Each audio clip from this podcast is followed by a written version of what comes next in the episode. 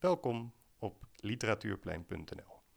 Of welkom op het YouTube-kanaal van Literatuurplein. Ik ben Erik-Jan Harmes en naast mij hoort u een kat miauwen. Dat is de kat van Anne Fleur van der Heijden. Ze heeft er zelfs twee.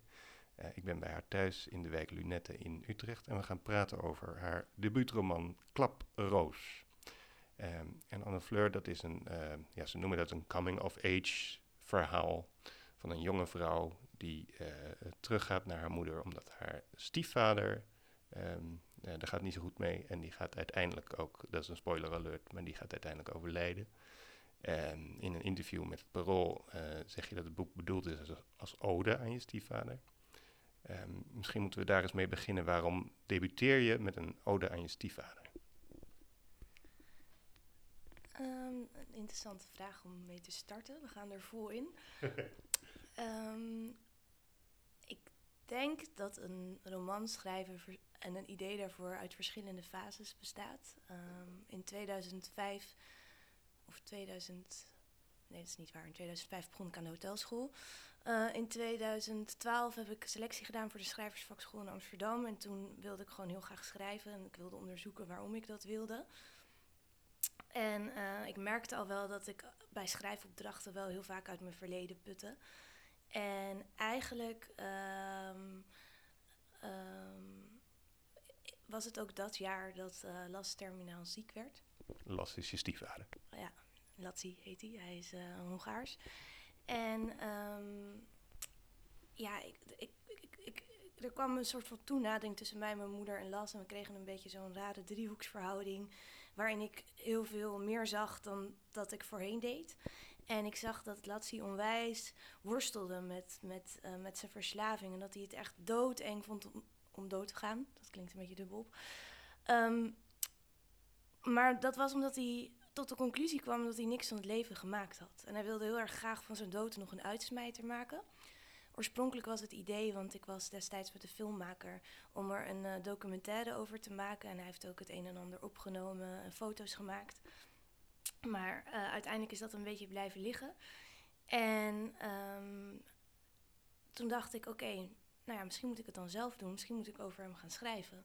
En toen heb ik ook beloofd van, oké, okay, ik ga proberen om te kijken of ik een soort van, van um, ja, taboes over verslavingen kan doorbreken. Um, Want Las was verslaafd. Ja, Las was verslaafd aan heroïne. En toen, uh, uh, soms was hij daar heel opgewekt over, van ja, ja, dat moet je doen, want ik ben meer dan dat. En soms was hij daar dan heel triest over en zei hij, ja, weet je, dat is echt een utopie, dat gaat je niet lukken.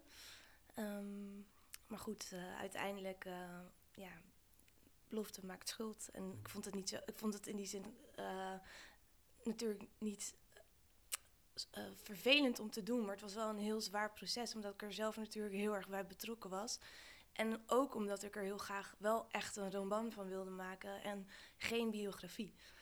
Ja. Um, dus ik, ja, eigenlijk om te voorkomen dat het straks um, een one-trick pony wordt, zeg maar. Ja. Dus um, ja, inderdaad. Het was een, uh, een gedurfde keuze. En uh, misschien denk ik over tien jaar... Hè, had ik dat verhaal maar bewaard als ik wat meer kilometers op de teller heb. Maar goed, uh, het voelde ook wel... ik heb altijd het gevoel dat een soort van onderwerpen in je hoofd... in een soort queue staan. En deze stond, deze stond wel echt voorop. Dus die moest er ook echt uit om ruimte te maken voor andere dingen. We moeten ook weten dat niet alleen uh, Las verslaafd was aan uh, heroïne, maar je moeder was ook verslaafd. Uh, is dat in het boek niet meer? Eh, in het echt misschien ook niet meer? Mijn moeder is in het echt ook niet meer verslaafd. Nee, die, ze zit nog wel in een, in een afbouwprogramma voor de methadon. Maar ze is inmiddels volgens mij 3,5 jaar clean. Heel goed. En je, en je geeft heel duidelijk aan van dat Las... Um, wanneer is hij eigenlijk overleden? Las is uh, um, drie jaar geleden overleden. Okay. Ja. En je geeft duidelijk aan van, ja, hij wilde, een van de dingen die hij zei is dat hij, uh, wil, hij wilde meer zijn dan dat. Hij wilde meer zijn dan een verslaafde. Ik denk dat dat ook een hele belangrijke les is die je uit het boek uh, kan leren. En volgens mij was dat voor jou ook iets heel erg belangrijks. Dat we, je zegt ook, het zijn geen heroïneverslaafden, het zijn, ze zijn verslaafd aan heroïne. Dat is een duidelijk verschil. Ja. Ja, dat is eh, inderdaad eh, de boodschap van het boek. Ik merkte namelijk, uh, mijn roman schrijven heeft echt verschillende intenties gekend, of willen schrijven heeft verschillende intenties gekend. Toen ik begon met schrijven had ik heel erg de noodzaak om mezelf uit te kunnen drukken en te onderzoeken waarom ik bepaalde gevoelens had die andere mensen niet zo ervaren. Waardoor ik me soms ook wel eens heel erg onbegrepen voelde. En op papier kon ik altijd, worden mijn, worden mijn gedachten ineens heel helder. En um, dat was denk ik de eerste intentie die eigenlijk vrij egocentrisch was. En daarna um, zag ik dus heel erg de liefde tussen mijn moeder en Las. En um, het was eigenlijk hartverscheurend om, om, dat, om die laatste fase mee te maken. En um, ja, en ook gewoon uh, inderdaad hoe snel we gelabeld worden met uh, verslavingen, uh, psychische aandoeningen. En ik wilde gewoon eigenlijk dat je aan het einde van het boek niet door hebt gehad hoe erg je hebt meegeleefd met die eigenlijk psychische problematiek. Waar heel veel mensen over zeggen: Oh, weet je wel, het zijn borderliners, die moet je allemaal opsluiten op een eiland. Een stomme opmerking hoor je dan wel eens. Dus ik wilde heel graag die pijn invoelbaar maken. Um, maar dat wilde ik dan wel door middel van handelingen en observaties en niet proberen te sentimenteel te worden in, in gevoelens en taal, zeg maar. Dus um, ja, dat is denk ik inderdaad uh, de boodschap van Klaproos, ja. En betekent dat dat je dan uh, in je eerste versies dan wel heel veel sentiment toont en dat dan daarna allemaal uit moet jassen? Of hoe is dat proces een beetje gegaan? nee, ik ben sowieso denk ik wel een beetje een droogkloot als ik dat okay. over mezelf kan zeggen. Um, en ik had het ook in een ander interview erover. Ik denk dat het ook iets over mij zegt. Kijk, Noor staat heel erg buiten schot. Noor is de hoofdpersoon in je roman. Noor is het hoofdpersonage in mijn roman. En uh, zij blijft een beetje buiten schot. En uh, zij observeert alles. En ik denk dat dat klopt. Want ze is daarmee bezig omdat zij dat nodig heeft om zichzelf compleet te maken. Want zij weet dat op dat moment nog niet zo goed. En uh, ik als persoon in het dagelijks leven, als schrijver, zet mezelf ook vaak buiten schot. Um, dus ik denk. Wat betekent dat precies als je jezelf buiten schot plaatst? Nou, bijvoorbeeld um, op feestjes of zo. Ik kan echt heel lang alleen ergens staan of een beetje alleen door een feest wandelen. En, um, of als we ergens met een groep naartoe gaan, dan heb ik de hele avond buiten gestaan. En ik weet niet, ik ben er wel, maar ik ben er ook niet. Er is altijd zo'n meta-bewustzijn. En um, ja, die is er ook tijdens het schrijven. En ik denk dat dat niet per se een bewuste keuze is, maar dat dat gewoon echt mijn stijl is. Verwacht dat dat als ik nog iets zou schrijven, dat dat weer wel een beetje aan de orde zal zijn. Ja. Zoals toen naar dat uh, verhaal van een moeder die dus nu 3,5 jaar uh, clean is. Hoe is het voor jou uh, um, geweest om een verslaafde moeder te hebben? Nou, dat was best gezellig. Um, nee, ja. Weet je, als, als kind, en dit is ook weer zo'n dooddoener, dan weet je, ah, niet beter. Je zit in die situatie. Je hebt misschien wel door dat het bij andere kinderen wat anders daaraan toe gaat. Um, en uh, daarna ging ik bij mijn opa en oma wonen. En zoals in het boek uh, heeft, uh, heeft oma ook de nodige problematiek. Alcoholproblematiek. Ja, de oma van Noor is uh, alcoholiste. En Noor worstelt zelf met heel veel dingen. Want ze zit op de middelbare school, ze is onzeker. Ze is onzeker over haar lichaam. Over, weet je wel, ze heeft gezeur aan haar hoofd over de schoolresultaten. Want ze is eigenlijk heel slim en ze doet er niet zoveel mee. Dus uh, ik denk dat voor mij dat eigenlijk ook wel gold. Ik had, uh, weet je wel, op het moment dat ik bij mijn opa en oma ging wonen, had ik andere dingen aan mijn hoofd. Maar goed, weet je, dan, dan krijgt dat een plekje en je bent ook boos. Dus uh, je neemt er ook allemaal afstand van. Maar nu uh, ik 30 ben geworden, um, besef ik me ineens heel goed dat ik heel gewenst was door mijn moeder. Mijn moeder heeft natuurlijk heel, heel, uh, ja, heel duidelijk besloten dat ze een baby wilde en ook van wie. En nu we dus eigenlijk weer nader tot elkaar gegroeid zijn, kan ik juist ook heel veel leuke dingen aan mijn moeder zien. Mijn moeder is echt super grappig en ze is creatief en um, ze kan goed vertellen. Ze weet veel over geschiedenis. Ze onthoudt eigenlijk veel beter feiten dan ik dat doe. En dat is eigenlijk ook wel fijn om te zien, want ik denk dat elk kind zich probeert te meten aan zijn ouders of zich probeert te identificeren met zijn ouders. Waar komt wat vandaan? En het is ook fijn om te kijken, ondanks dat iemand verslaafd is, wat diegene nog meer is dan dat. En dat jij dat ook in je hebt. Mhm. Dus ja, het is heel dubbel. Het heeft me gevormd tot wie ik ben. Maar ik denk dat als ik misschien niet zo'n. Uh, zo'n jeugd had gehad, uh, was misschien die noodzaak tot schrijven uh, er minder geweest. Omdat door mijn jeugd er heel vaak gevoelens heel heftig binnenkomen. En ik heel erg kan meeleven met verhalen. En ja, daar wil ik dan iets mee. En die probeer ik nu om te vormen tot poëzie of tot een roman. Of uh, tot verhalen vertellen. Of mensen aansporen om zelf iets te gaan doen daarmee. Um, dus ja, uh, mes snijdt aan twee kanten. Maar je geeft daarmee dus ook heel duidelijk aan dat uh, um, iemand die verslaafd is uh, ook gewoon een moeder is. Hè? Naast dat, je, dat het een mens is, maar er is ook een moeder. Je hebt gewoon een moeder nu, maar je hebt ook een moeder gehad, ook toen ze verslaafd was. Ja, um, zeker. Ik denk dat in de eerste jaren dat mijn moeder me wel echt heel veel heeft bijgebracht. Ik denk wel tot vier jaar. Um, ik kon namelijk echt al heel snel lezen. En dan werd ik meegenomen naar de bibliotheek in Rotterdam. En de eerste boeken die we daar leenden, weet ik nog heel goed, waren de GVR en Pudding Tarzan. En er was ze groots op, dat, uh, want eigenlijk zijn dat boeken toch voor een leeftijd van 6 tot 8, geloof ik. Dus ik was vier en ik kon dat al. En dat moest dan ook iedereen weten. En uh, ja, we gingen zwemmen en uh, we waren altijd aan het knutselen. En die, ja, ze in die zin was ze wel echt een moeder van 0 tot 4. Maar ze had blijkbaar dus zelf haar nodige struggelingen. Dus ze, ze kon het niet. En ze kon niet, even heel simpel gezegd, um, toen al um, stoppen met haar verslaving om, uh, laten we zeggen, een, uh, een stabiele, voorspelbare moeder te worden in die zin. Dat, ja, dat ja. weet ik niet zo goed, want ik was dus, uh, dus tussen de vier en acht maak je het meest duidelijk mee. Maar ik denk het niet. Mijn moeder had zelf hele erge trauma's, psychische problematiek onverwerkte dingen uit haar jeugd inderdaad. En um, nee, ik denk uh, dat als je eenmaal die misstappen gaat en als je dan ook nog eens de misstappen heroïne maakt, dan uh, gaat het hard.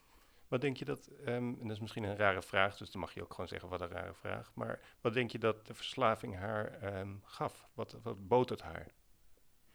Ik denk dat een verslaving in zijn algemeniteit een soort van uh, fairy godmother is je, iedereen zoekt naar een soort van uh, moederschoot. En uh, ja, verslavingen eh, die dempen natuurlijk gevoelens, of althans, dat, dat denken de mensen. En je troost jezelf daarmee, je dempt jezelf daarmee. Maar het, het zijn twee dingen voor mij, verslaving, hoe ik er tegenaan kijk. Enerzijds zit dat erin. Anderzijds zit er ook een soort van um, zelfbestraffing in een soort van zelfvernietiging. Uh, van uh, je bent onzeker of je bent boos op jezelf. En je bent ook boos over een bepaalde worsteling. Of je bent boos over die heftige gevoelens die maar altijd terug blijven komen en waar je geen raad mee weet. Je bent boos omdat je iets. Uh, je bent onzeker over iets wat je hebt gedaan. En dan komt die drang, denk ik, om jezelf letterlijk van binnenuit op te vreten. En ja, ik denk dat inderdaad drugs en alcohol daar zich bij uitstek voor lenen. Er is natuurlijk ook een groot misverstand over uh, uh, met name heroïneverslaafden, um, die ik dan ook zelf ken. Uh, en dat is dat er ook een doodswens bij is. En dat is er helemaal niet per definitie. En als ik dat zo lees, bij jouw moeder ook niet en bij Las ook niet. Die is zelfs, wat je net al aan het begin vertelde, ook gewoon bang om dood te gaan. Ja. Ja, ik ben geen ervaringsdeskundige, dus ik weet niet, voor de een is er misschien, zit er misschien een doodswens onder en voor de ander zit er demping onder dat durf ik niet te zeggen. Ja. En we begonnen het gesprek ook met die ode aan Las. Is het ook een ode in je moeder? Nou, wat ik heel mooi vind, en dit heb ik uh, eigenlijk van mijn mentor Ton Roseman geleerd. Um, dat is die mentor aan de schrijversvakschool. Ja, uh, zelf ook een schrijver uh, van fantastische korte verhalen. En hij zei, aandacht is liefde. En um, ik denk dat je dat in Klaproos in ieder geval kunt teruglezen. Dat er heel veel aandacht is voor, uh, voor de moeder van Noor, Jossie. En ik denk ook dat Noor die moederliefde komt halen. En ook al is Jossie natuurlijk niet de standaard moeder. eh, op een gegeven moment is er ook een passage eh, waarin Noor zegt... Ik weet niet waar... oh, Dan komt ze haar moeder opzoeken. Die staat dan met de straatkrant bij, eh, bij de supermarkt. En die heeft zich ziek gemeld van haar werk. En die gaat daar naartoe om eh, haar even te bestuderen. Maar die gaat er ook naartoe omdat ze haar moeder mist. En wat mist ze dan? Mist ze dan eh, eh, een moeder op zich al? Of mist ze ook echt iets van Jossie? Echt iets van haar moeder specifiek? Ehm, ik denk dat ze specifiek wel echt haar moeder Jossie mist. Want het verhaal begint natuurlijk heel afstandelijk. Van oké, eh, Noor wordt 26 en ze komt langs voor haar verjaardag. En eh, hoe vaker ze langskomt, hoe meer ze ziet wat er aan de hand is, hoe meer ze ook gaat meeleven. En ik denk dat ze gewoon heel erg de nabijheid aan Jossie wil bieden, maar ook wil hebben.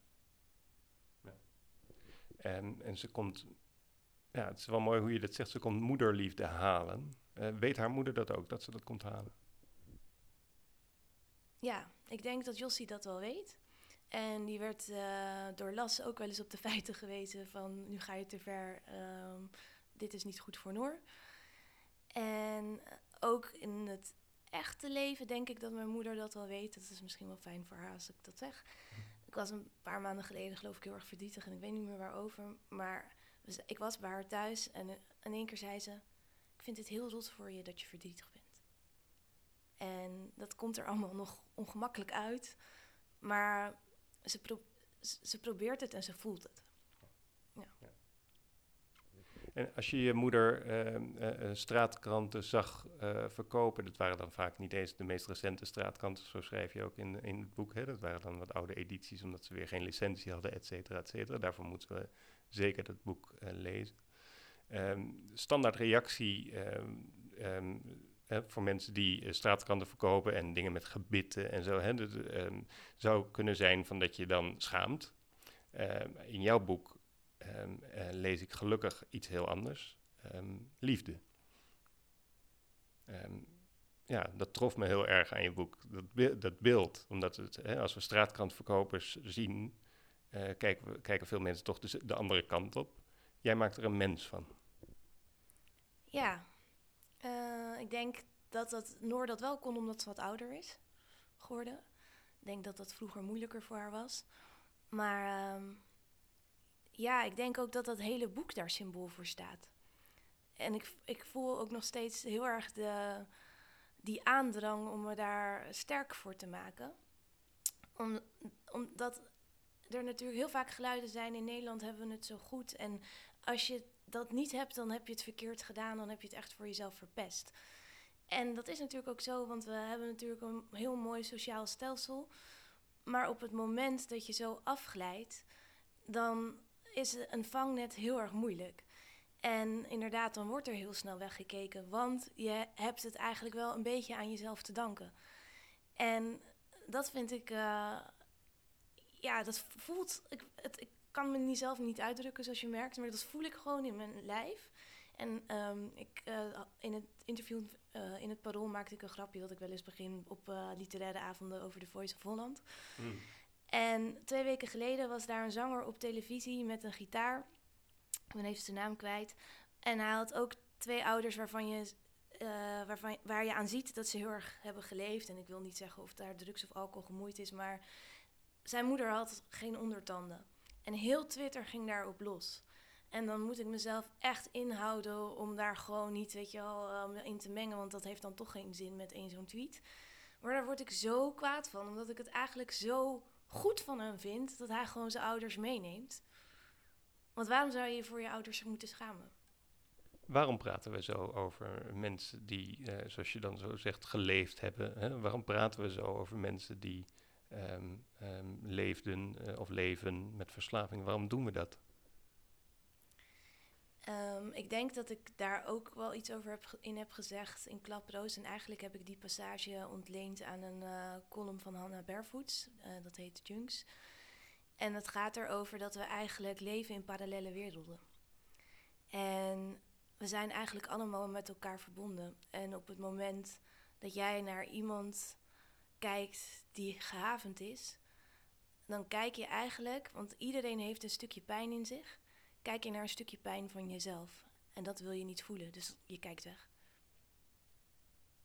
Dus we zien eigenlijk als we uh, bijvoorbeeld op de pont uh, in Amsterdam, zoals Hanna dan, daar schrijft Hanna, dan, Hanna Barefoot dan over, dan zien we eigenlijk onszelf en dat, dat stukje willen we niet zien en daarom kijken we weg. Ja, we zien onszelf in een parallel bestaan. Wij hadden die mensen kunnen zijn onder andere omstandigheden.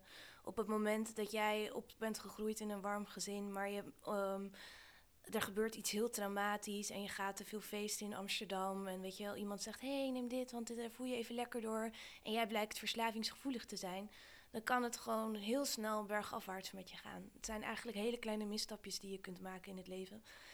En ik denk dat we dat, ons dat allemaal donders goed beseffen. En omdat je die misstappen niet wilt maken, blijf je er in één keer zo ver mogelijk van weg. Wat natuurlijk heel gek is, want eigenlijk hebben we elkaar nodig om overeind te blijven. En kun jij iets vertellen over hoe mensen zich voelen, uh, zoals uh, je moeder die dan de straatkrant verkoopt, hoe voelen mensen zich als anderen de het wegkijken? Oeh. Um, ik kan natuurlijk niet voor mijn moeder spreken. Mijn moeder is niet op de mond gevallen, zoals je ook kan lezen in uh, Klaproos. Maar ik weet wel van Las dat hij uh, daar heel erg uh, veel moeite mee had. Ja, die voelde zich echt heel erg afgewezen door de maatschappij ook vooral.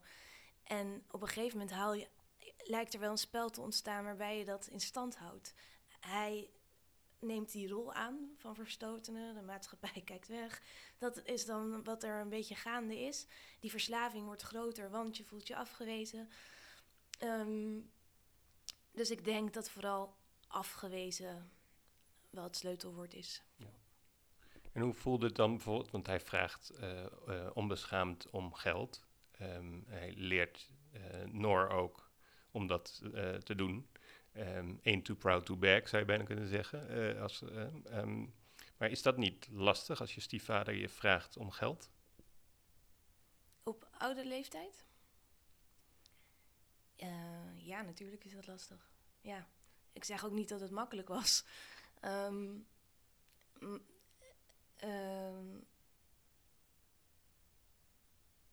En daarin was, zo, daarin was de moeder van Noor dus heel sterk en mijn eigen moeder dus. Ehm, maar ik vind het lastig om over mezelf of over Noord te praten, omdat het boek niet één op één mijn verhaal is.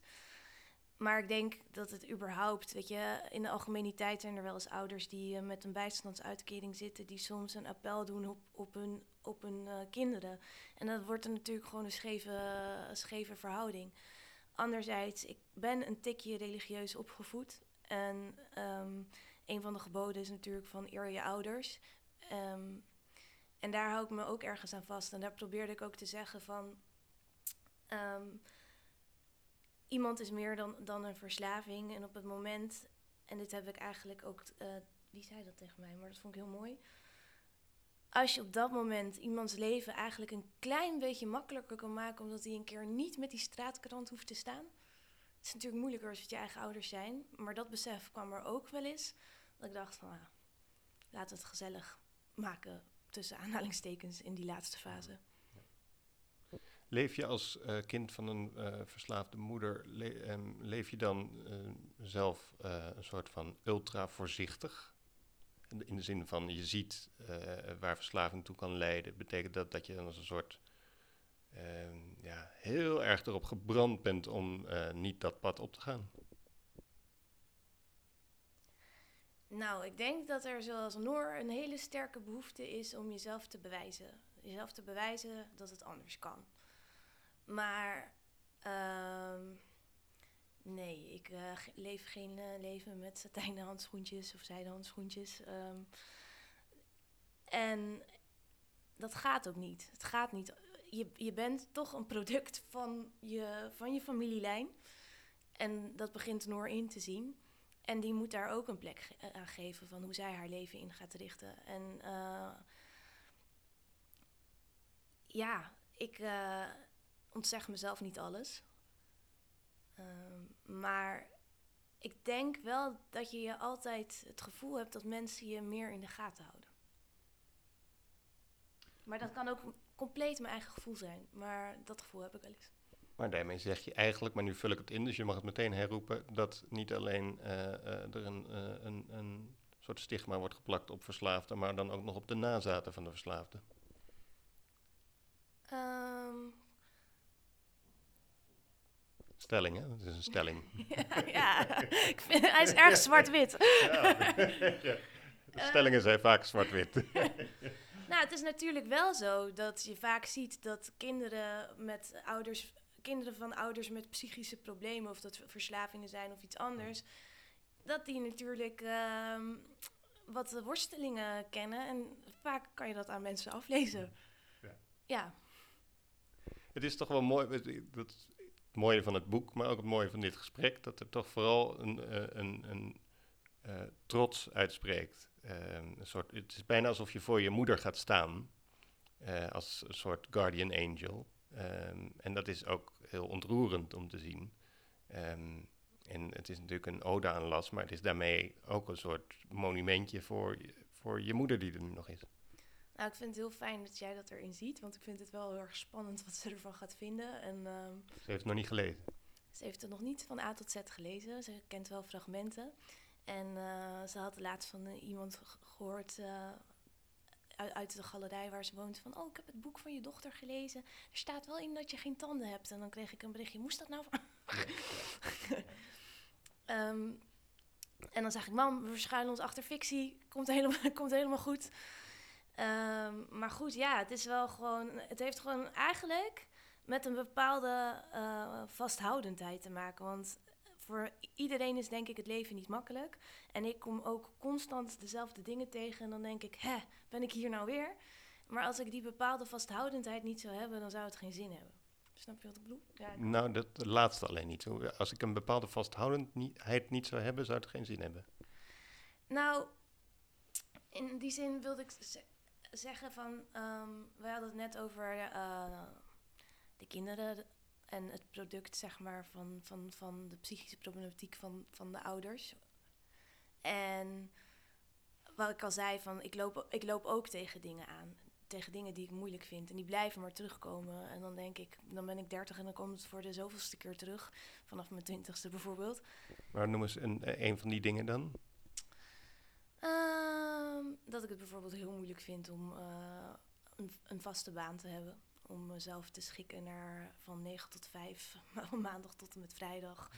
Ehm, eh, ik, volgens mij kan ik dit wel tegen je zeggen, want je gaat spreken op het depressiegalen. Maar ik ken natuurlijk ook wel eh, periodes waarin ik het idee heb dat ik in een wormgat leef. En ehm, op het moment dat ik niet een vasthoudendheid zou hebben van oké, we zijn allemaal met elkaar verbonden en ehm, weet je, eh, in iedereen zit, bijna iedereen zit iets heel moois dan, en ook in mij dus, hoop ik. Ehm, en ik probeer het gewoon elke keer opnieuw. En mijn moeder heeft het natuurlijk ook heel vaak opnieuw moeten proberen. En zij is eigenlijk wel een soort van bewijs dat je wonderen zelf kunt creëren. Als je maar heel vasthoudend bent. En wat is het wonder dat zij creëert? Dat, daarmee bedoel je de omslag die ze heeft gemaakt in haar leven. Ja, want ik denk namelijk niet dat ik eh, op mijn 25ste of nou ja, misschien ietsje jonger nog had gedacht dat ze er ooit nog zou afkicken. Dat had ik nooit verwacht. En niet verwacht dat ik ooit nog een keer met haar naar Frankrijk zou gaan. Of verwacht dat ze inderdaad weer bij de familie aan de kersttafel zou zitten. Want jullie reizen in het boek ook hè, een soort kleine roadtrip richting het einde van het boek eh, naar Frankrijk. En dan, eh, eh, nou ja, dat moeten mensen gewoon lezen wat daar wordt meegemaakt. Maar dat is wel een soort, nou, een overwinnings-odyssee, we het zo uitdrukken. Ja. Ja. ja, zo kun je het inderdaad zien. Hoe is het nu met je moeder? Heel goed. Ja, ze ehm, je probeert haar leventje eh, in te richten. En eh, dat is natuurlijk lastig, want je hebt he- jarenlang geïsoleerd geleven, geleefd met een, een partner. En eh, die partner valt weg. En nu moet ze stap voor stap uit die isolatie komen. En de partner valt weg en het middel valt weg. Dus dan moet je eigenlijk gewoon opnieuw gaan leven. Ja, mijn moeder is inderdaad eh, het leven opnieuw aan, het uitvinden. En ehm, Nou, ze is heel erg gek op eh, shoppen, zoals ze zelf zegt. En eh, ze heeft denk ik al vijf nieuwe tatoeages laten zetten. En daar is ze dan heel erg naar de zin bij de mensen die, die tatoeëren. En ze heeft een buurvrouw waar ze het goed mee kan vinden. Dus heel langzaam bouwt ze haar eh, universum weer wat uit. Slot van het gesprek even naar de klaproos. Want die groeit, eh, nou vertel zelf maar even wat het typerend is aan de klaproos. Waar groeit een klaproos? het voelt als een quiz, dat ik hem nu af mag maken. Eh, ik heb gekozen voor de titel Klaproos, omdat een eh, klaproos groeit, groeit op plekken waar alles door en dood is. En wie is de klaproos in dit verhaal? Ik denk dat zowel Las als Noor als Jossie alle drie klaprozen zijn.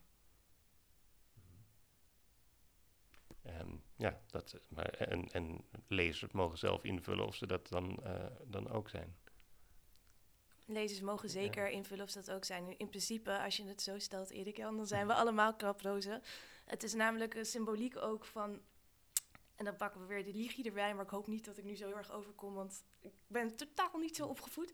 Maar ik vind het gewoon, ik hou gewoon van symboliek. En een klaproos staat ook symbool, inderdaad, dat de natuur niet te vangen is. Net zoals verslavingen heel moeilijk in te, dam, in te dammen zijn, eh, is een natuur heel moeilijk te vangen. En dat, dat zie je, de aard van het beestje gaat, weet je wel. Dus ehm, we zijn dat allemaal. Maar wat bedoel je met de natuur is niet te vangen? Wat is daar relevant aan voor dit boek?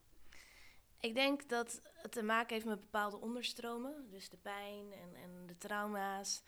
eh, en, en de verslavingen. Het is allemaal de natuur van de mens. En dat maakt het zo ongrijpbaar voor sommige omstanders misschien.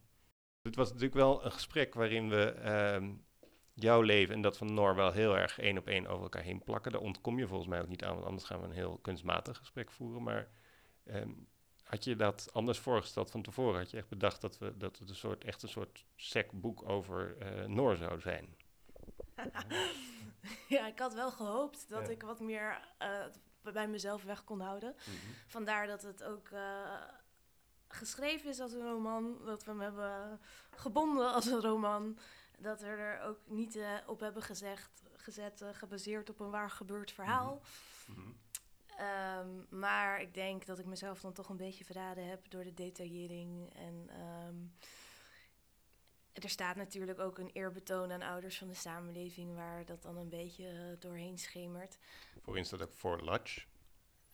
Voor, eh, voor- ja, voor in het boek staat inderdaad ook voor Lassie, dus daar... Of Lassie, sorry. Ja, geen, geen ja, probleem. ja. In het boek noem ik hem Las. Ehm, dus. Maar goed, het ding is wel, en dat wil ik wel echt benadrukken. eh, tuurlijk, er zitten dus heel veel elementen in uit mijn eigen leven, zoals een drugsverslaafde moeder en een drugsverslaafde stiefvader. En Noor komt overeen met mij. Alleen, er is wel heel erg met gebeurtenissen en tijd gemanipuleerd. En er wordt natuurlijk gewoon heel vaak ook weggesneden. ehm, en daarnaast is het ook nog zo dat wat ik net aan het begin al zei, eh, ik, het kan misschien een zwakte zijn, maar ik heb er heel bewust voor gekozen om Noor niet hele heftige gevoelens te laten beschrijven. Omdat ze ook eens op zoek is naar wat ze voelt. Ehm, maar ook omdat als het verhaal over Noor zou gaan, dan krijg je weer een tweede boek. Mhm. En dan zou dat compleet afdoen aan de liefde van twee heroïneverslaafden. Dan zou je weer een, een boek krijgen wat, weet je wel, van de ene gebeurtenis, dan raak je de weg kwijt. Dus het is gewoon wel echt een heel gestileerd en gecomponeerd en opgeschud verhaal. En hopelijk heb ik dat eh, laten zien dat ik dat... eh, nou, hopelijk is dat gelukt.